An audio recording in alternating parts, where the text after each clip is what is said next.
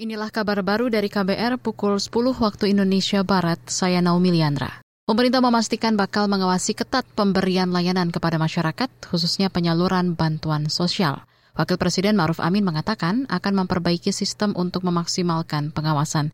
Pernyataan Maruf itu merespon kasus dugaan korupsi bantuan beras untuk keluarga miskin di era pandemi COVID-19. Pemerintah itu terus apa ya memperbaiki sistem dan secara terus menerus kan kemudian juga melakukan pengawasan-pengawasan ya terhadap uh, pelaksanaan daripada bantuan-bantuan itu. Oleh karena itu kalau memang ada yang memang ada penyimpangan ya kita memang ada pihak-pihak yang memang punya tugas untuk melakukan itu ya saya kira tidak ada masalah ya kalau memang ada yang sesuatu yang dicurigai ya sampai ketemu datanya benar atau tidak benar. Wakil Presiden Ma'ruf Amin menambahkan pemerintah juga akan terus berupaya mempermudah penyaluran bantuan sosial.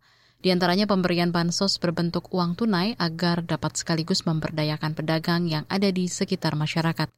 Sebelumnya Komisi Pemberantasan Korupsi KPK menggeledah kantor Kementerian Sosial di Jakarta terkait dugaan korupsi bansos beras. KPK dikabarkan telah menetapkan beberapa tersangka namun belum membuka identitasnya. Kita ke lantai bursa. Perdagangan saham di Bursa Efek Indonesia pagi ini kembali dibuka melemah. Di awal perdagangan, indeks harga saham gabungan IHSG pada Kamis dibuka melemah 8,5 poin atau 0,13 persen ke posisi 6.737. Kelompok 45 saham unggulan atau indeks LQ45 juga turun 2 poin atau 0,21 persen ke posisi 946.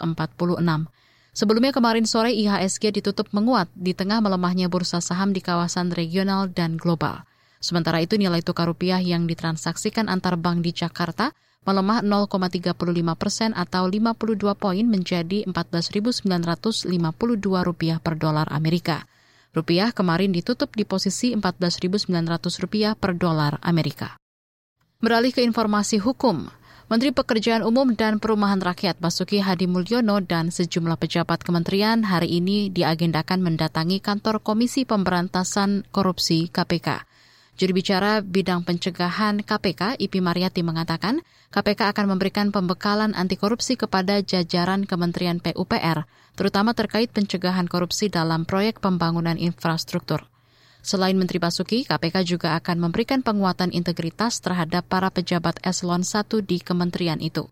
IPI mengatakan KPK dan Kementerian PUPR bekerja sama dalam upaya pencegahan korupsi, termasuk kajian terkait infrastruktur.